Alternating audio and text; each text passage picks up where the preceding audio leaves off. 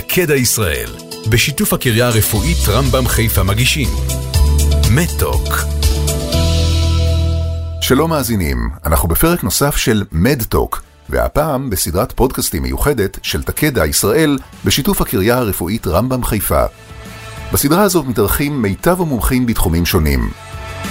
הפרקים הוקלטו באולפני ביזי ובשיתוף אדיו, המשווקת את הפרסום בספוטיפיי, ברדיו הדיגיטלי ובפודקאסטים. והפעם אנחנו מארחים באולפן את דוקטור נתי הורוביץ לשיחה בנושא לימפומות נדירות. האזנה נעימה.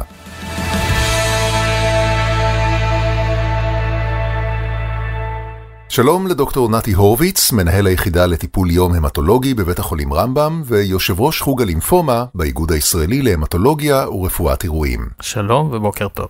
היום נדבר על לימפומה. אז קודם כל, מהי לימפומה, ואולי עוד לפני כן, מה תפקידן של בלוטות הלימפה בגוף? אה, שאלה טובה, אה, בואו נדבר באמת על התפקיד של בלוטות הלימפה, אבל יותר מזה על התפקיד של מי שמאכלסים את בלוטות הלימפה, הלימפוציטים. אז לימפוציטים אלה תאים אה, של מערכת החיסון, שהתפקיד שלהם הוא לשוטט ברחבי הגוף שלנו ולאתר איומים כמו וירוסים, חיידקים, תהליכים זרים אחרים, לאתר אותם ולחסל אותם. לפעמים מתרחשת איזושהי תאונה ברמת ה-DNA, ברמת הגנום של התאים, ואז הלימפוציט הבודד מתחיל להתחלק ולהתרבות. ואנחנו מקבלים ריבוי בלתי מבוקר של לימפוציטים. אם נחשוב על זה אולי קצת במונחים של אה, צבא, אפשר להסתכל על הלימפוציטים כחיילים ועל בלוטות הלימפה כבסיסי צבא. החיילים שלנו הלימפוציטים מתרבים, איפה הם מתרבים? בבסיס שבו הם שוכנים בבלוטות הלימפה, ואז בלוטת הלימפה גודלת וגודלת עד למימדים שנעשים אה, עם ביטוי קליני, זאת אומרת המטופל מתלונן על כאבים באזור של הבלוטה הגודלת, או שהוא מתחיל לרדת במשקל, לפעמים הוא מזיע מאוד. כל הסימנים האלה, שנתאר אותם בטח גם בהמשך, אופיינים. כן, מיד אה, ניגע בסימפטומים. הכשל הזה, שהוא בעצם הלימפומה, אני מבין שיש בו סוגים שונים. כן, אז אה, לימפומה זה אוסף של מחלות, זאת לא מחלה אחת. אה, עם טיפולים שונים, ולכן חשוב מאוד לזהות באיזה לימפומה מדובר. באופן כללי ניתן לחלק את הסל הזה שנקרא לימפומה לכמה מחלות. אפשר לחלק לפי תא המוצא, יש לנו לימפוציטים מסוג B, יש לנו לימפוציטים מסוג T. ומאוד חשוב להבדיל ביניהם, אה, כי הטיפולים שונים כמו שאמרתי. חלוקה אחרת היא ללימפומה הודג'קין ונון הודג'קין. אה, אלה, שתי הלימפומות האלה הם מסוג B, אבל ההתנהגות שלהם שונה וגם הטיפול שונה. והחלוקה האחרונה שאני אציין היום זה חלוקה בין לימפומות אגרסיביות, מחלות שמתקדמות מאוד מהר, שבדרך כלל הסימפטומים שלהם מאוד ברורים, לבין לימפומות אינדולנטיות, שפעמים רבות מאבחנים אותם באופן מקרי, המטופל לא מרגיש בכלל שיש לו לימפומה, ופעמים רבות גם אין צורך לטפל בהם עד שהן מסתמנות עם תלונות מסוימות. אז דיברנו על לימפומות בכלל, ונתמקד עכשיו בלימפומות נדירות. מה קבוצות הסיכון שלהן, אם יש כאלה, במה הן פוגעות? אז uh, לימפומות נדירות זה באמת הגדרה מאוד מאוד כללית. אפשר לומר שגם בקבוצת הביסה לימפומה וגם בקבוצת הטיסה לימפומה uh, יש לימפומות נדירות. Uh, אם נתמקד, אז בקבוצת הטיסה לימפומה שהיא נדירה בפני עצמה, בין 10 ל-15% מכלל הלימפומות, יש קבוצה של לימפומות אוריות, שנקראות קוטנאוס טיסה לימפומה. הלימפומות האלה, כמו שנשמע מהשם שלהם, הן פוגעות בתחילה בעור. Uh, בהיקפים מסוימים, כל מקרה לגופו כמובן, ובמקרים מתקדמים הלימפומה הזאת עוברת מהעור ומערבת גם את האיברים הפנימיים בגוף, ולעיתים היא מערבת את זרם הדם, ניתן למצוא את התאים הממירים גם בזרם הדם, זאת קבוצת uh, מחלות. מי נפגע יותר? נשים, גברים, ילדים? כן, באופן כללי uh, לימפומות פוגעות יותר בגברים, אבל היחס הוא, זה לא כזה מובהק, אבל בעיקרון זאת מחלה יותר של אנשים מבוגרים, לימפומות פרט ללימפומה על שם הודג'קין היא מחלה של אנשים מבוגרים יותר, גיל החציוני זאת אומרת 50% מהחולים מעל גיל 60. איך uh, מאתרים, מאבחנים את המחלה? איך מאתרים את המחלה? אז עכשיו אנחנו מדברים באופן כללי, לאו דווקא על הלימפומות הנדירות, אבל בגדול זה אותו דבר. אז כמו שאמרתי, אה, בדרך כלל בלימפומות האגרסיביות המטופל מרגיש שמשהו לא בסדר, הוא יכול למשש איזושהי נפיחות בגוף, בדרך כלל באזורים של בלוטות לימפה. הוא יכול גם להרגיש שמשהו לא טוב, הוא יכול להרגיש שהוא יורד במשקל, פתאום יש חומים בלתי מוסברים. Uh, בכל מקרה כזה, בדרך כלל הוא פונה לרופא המשפחה, ואם יש ממצא שנמצא בבדיקה הגופנית, אז מתחיל הבירור. בדרך כלל הבירור מתחיל באיזושהי שיטת הדמיה, אם זה אולטרסאונד או בדיקת CT, ולפי הממצאים, אה, בדיקת הבחירה להבחנה היא ביופסיה. זאת אומרת, צריך לקחת ממש חתיכת רקמה באמצעות ביופסיית מחט, או אפילו ניתוח קטן, ולהסתכל מתחת למיקרוסקופ, לעשות צביעות מאוד אה, מסוימות, ובסופו של דבר מגיעים להבחנה. אז uh, יש אבחון, ועכשיו בטח עוברים לטיפול. אז מה הטיפולים המוצעים היום? אז רק אה, דקה לפני הטיפול, כאשר עושים הבחנה של לימפומה, קודם כל צריך לעשות אה, עוד כמה בדיקות כדי לעמוד על היקף המחלה, זאת אומרת לדעת היכן היא נמצאת באיברים השונים של הגוף, וזאת על מנת, אה, לכשניתן את הטיפול, כדי לראות, אה, להעריך את התגובה. אנחנו שואפים הרי לסלק את הלימפומה מכל מקום בו היא נמצאת. אה, אז עושים בדיקות כמו בדיקת מח עצם ובדיקת PET-CT, כמובן על פי הדרכתו של ההמטולוג המטפל. אחרי שגמרנו לעשות את הבדיקות האלה, אנחנו עושים אינטגרציה של כל המידע שעומד לרשותנו, פלוס מצבו של המטופל. לא כל מטופל דומה למשנהו, יש מטופלים בריאים חוץ מהלימפומה, ויש כאלו שיש להם אה, מחלות נוספות, צריך להתחשב בזה כאשר בוחרים את הטיפול. ויש סוגים שונים של לימפומה, והטיפול בטח בהתאם. נכון, ויש גם סוגים שונים של לימפומה. המכנה המשותף הוא, בחלק גדול מהלימפומות אנחנו בוחרים במרכיב של טיפול כימותרפי. בדרך כלל זה צירוף של תרופות כימותרפיות, זה כדי להתקיף את הלימפומה מכמה חזיתות, שהיא לא תוכל להרים ראש.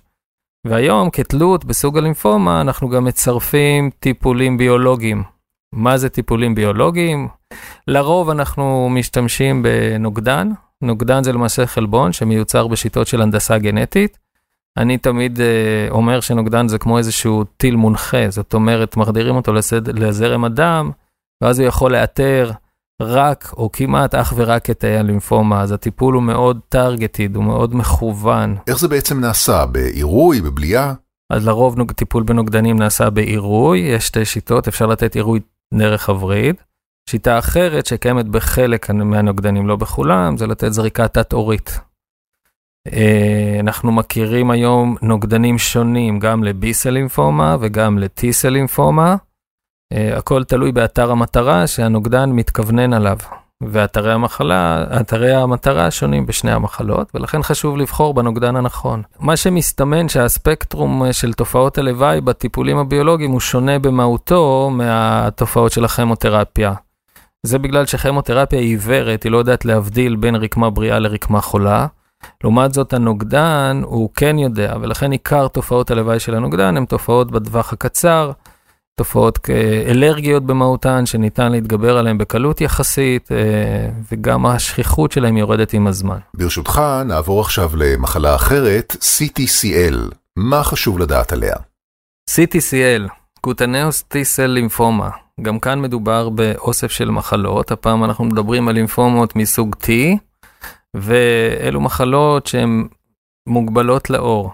אמנם בשלבים מתקדמים אפשר שהלימפומות האלו אה, יערבו גם איברים נוספים בגוף, ואפילו ניתן יהיה למצוא תאי אה, מחלה בדם הפריפרי. אז כמו שהזכרנו, לרוב המחלה מתחילה בעור אה, ומתאפיינת בפצע שלא מתרפא במשך הרבה זמן, לפעמים נגע עורי אחר, לפעמים פריחה במקומות שונים. קשה מאוד במראה עיניים להבין שמדובר בלימפומה, בטח לא למטופל עצמו, ולכן מומלץ בכל מקרה כזה של ממצא עורי שנמשך מעל כמה שבועות, לפנות לרופא העור, אה, ומשם אה, יתקיים התהליך שבסופו של דבר יביא להבחנה. אז הזכרת קודם שהמחלה לא מוגבלת רק לתופעות הוריות, מה קורה כשהמחלה אה, ניכרת באיברים פנימיים? אז בואו נתחיל דווקא מהשלב שבו המחלה כן מוגבלת לאור. אה, באופן כללי, מי שמטפל ברוב המקרים האלה הם רופאי העור, כמובן בהתייעצות אה, עם אה, המטולוגים כאשר מטופר בלימפומה, ואז הטיפולים הם טיפולים מקומיים. זאת אומרת, אפשר להשתמש במשכות של סטרואידים, אפשר גם להשתמש בקרינה, כמובן הכל תלוי בהחלטה של הרופא המטפל. כאשר המחלה מתקדמת יותר ומערבת גם את האיברים הפנימיים, אז צריך, להת... אז צריך להשתמש כבר בטיפולים סיסטמיים. זאת אומרת, טיפול שמגיע לכל מקום ומקום בגוף. לרוב מדובר בתרופות שהן אה, ניתנות דרך הווריד. כיום היום אה, נוגדן שמכוון לאתר המטרה הזה. אה, הנוגדן הזה שייך למשפחה יותר גדולה של נוגדנים, שמה שיפה בהם זה לא רק שהם יודעים להתביית על אתר המטרה, אלא גם יכולים להוביל לשם תרופה כימותרפית. תרופה שלא ניתן לתת אותה דרך הפה או דרך הווריד באופן רגיל, בגלל שהמינון הנדרש הוא מינון רעיל מדי. אבל באמצעות השימוש בנוגדן כזה, אפשר לתת אה, מינונים ממש קטנים שלא מסכנים את, ה, את המטופל, ולהוביל אותם בבטחה הישר אל תא המטרה, ולחסוך את ההשפעה של הטיפול הזה על תאים בריאים. הטיפולים האלה מתאימים לכל החולים? באופן עקרוני כן, ובתנאי שבאמת ישנו ביטוי מסוים של אתר המטרה על תאי המחלה. אם אין ביטוי בכלל, ספק אם הטיפול יעבוד, ולכן הטיפולים האלה מאושרים בדרך כלל לחולים שיש את הביטוי של אתר המטרה, ואת זה אפשר לראות בבדיקת הפתולוגיה, בבדיקת הביופסיה. לסיום, נשאל אותך שאלה קצת יותר אישית, מה הביא אותך לתחום הזה? אה, שאלה מורכבת. Uh, היום כל, המת, כל המטולוגים צריכים לעשות קודם כל התמחות ברפואה פנימית. אז באופן אישי, אני לפני שהתחלתי את הרפואה הפנימית, uh, רציתי לבחור כבר את המקצוע הבא שלי, נתתי התמחות, ופשוט באותו זמן ראיתי שזה תחום שבמרכז הרפואי בו אני עובד ברמב"ם, נמצא בפריחה, ורציתי להיות איפה שנמצאים הטובים. לא ידעתי הרבה על המטולוגיה. אה, ובמחשבה לאחור זאת הייתה בחירה מאוד מאוד מוצלחת. הבחירה לעבוד עם חולי סרטן היא בחירה מורכבת ולא מובנת מאליה. אה, זה נכון. קודם כל אני רוצה לומר שבשנים האחרונות באמת ישנה התקדמות גדולה ושיטות טיפול חדשות וכמו שכבר הזכרנו אנחנו בהחלט מצליחים לרפא מסרטן ואנחנו מצליחים להאריך את אה, שנות החיים בצורה משמעותית. יחד עם זאת, אי אפשר להתעלם מכך שלעיתים יש מקרים שבהם המטופל אינו מגיב לטיפול, אה, והמחלה היא זאת שמנצחת. כרופא שמתעסק בסרטן במשך שנים לא מעטות, אה, אני מסביר לסטודנטים שלי, ואני גם חושב כך, שהצלחה לא נמדדת בהכרח רק באפשרות לרפא את המחלה או להאריך את שנות החיים. כשאתה הולך עם המטופל, ועם המשפחה שלו יד ביד לאורך כמה שנים, ואתה מוביל אותו גם אל הסוף אה, במקרים שזה קורה, ואתה עושה את זה שוב יחד עם המשפחה ועם כל הצוות שמסביב בצורה טובה, ואתה מוריד את רמות הפחד, ואתה גורם לתהליך של אה, פרידה מסודרת. וניצול של הזמן שעוד נשאר, לדעתי זאת הצלחה לא פחותה מאשר אה, להצליח לרפא במקרים אחרים. ומכאן גם בא הסיפוק. תודה רבה אם כך, דוקטור נתי הורוביץ, מנהל היחידה לטיפול יום המטולוגי בבית החולים רמב"ם ויושב ראש חוג הלימפומה באיגוד הישראלי להמטולוגיה ורפואת עיניים. תודה. תודה לכם. עד כאן פרק נוסף בסדרת הפודקאסטים המיוחדת מדטוק של תקדה בשיתוף הקריה הרפואית רמב"ם חיפה. עוד בסדרה, דוקטור נועה לביא על מיאלומה נפוצה, דוקטור מור מושקוביץ' על אלק פוזיטיב, דוקטור טובה הרשקוביץ על מחלות נדירות, ודוקטור מתי וטרמן על פיסטולות פריאנליות, מחלות מעי דלקתיות והאמינות של דוקטור גוגל. אנחנו ממליצים לכם להאזין לפרקים נוספים עם מיטב הרופאים בישראל באפליקציית הפודקאסטים החביבה עליכם. ועד לפרק הבא, רק בריאות.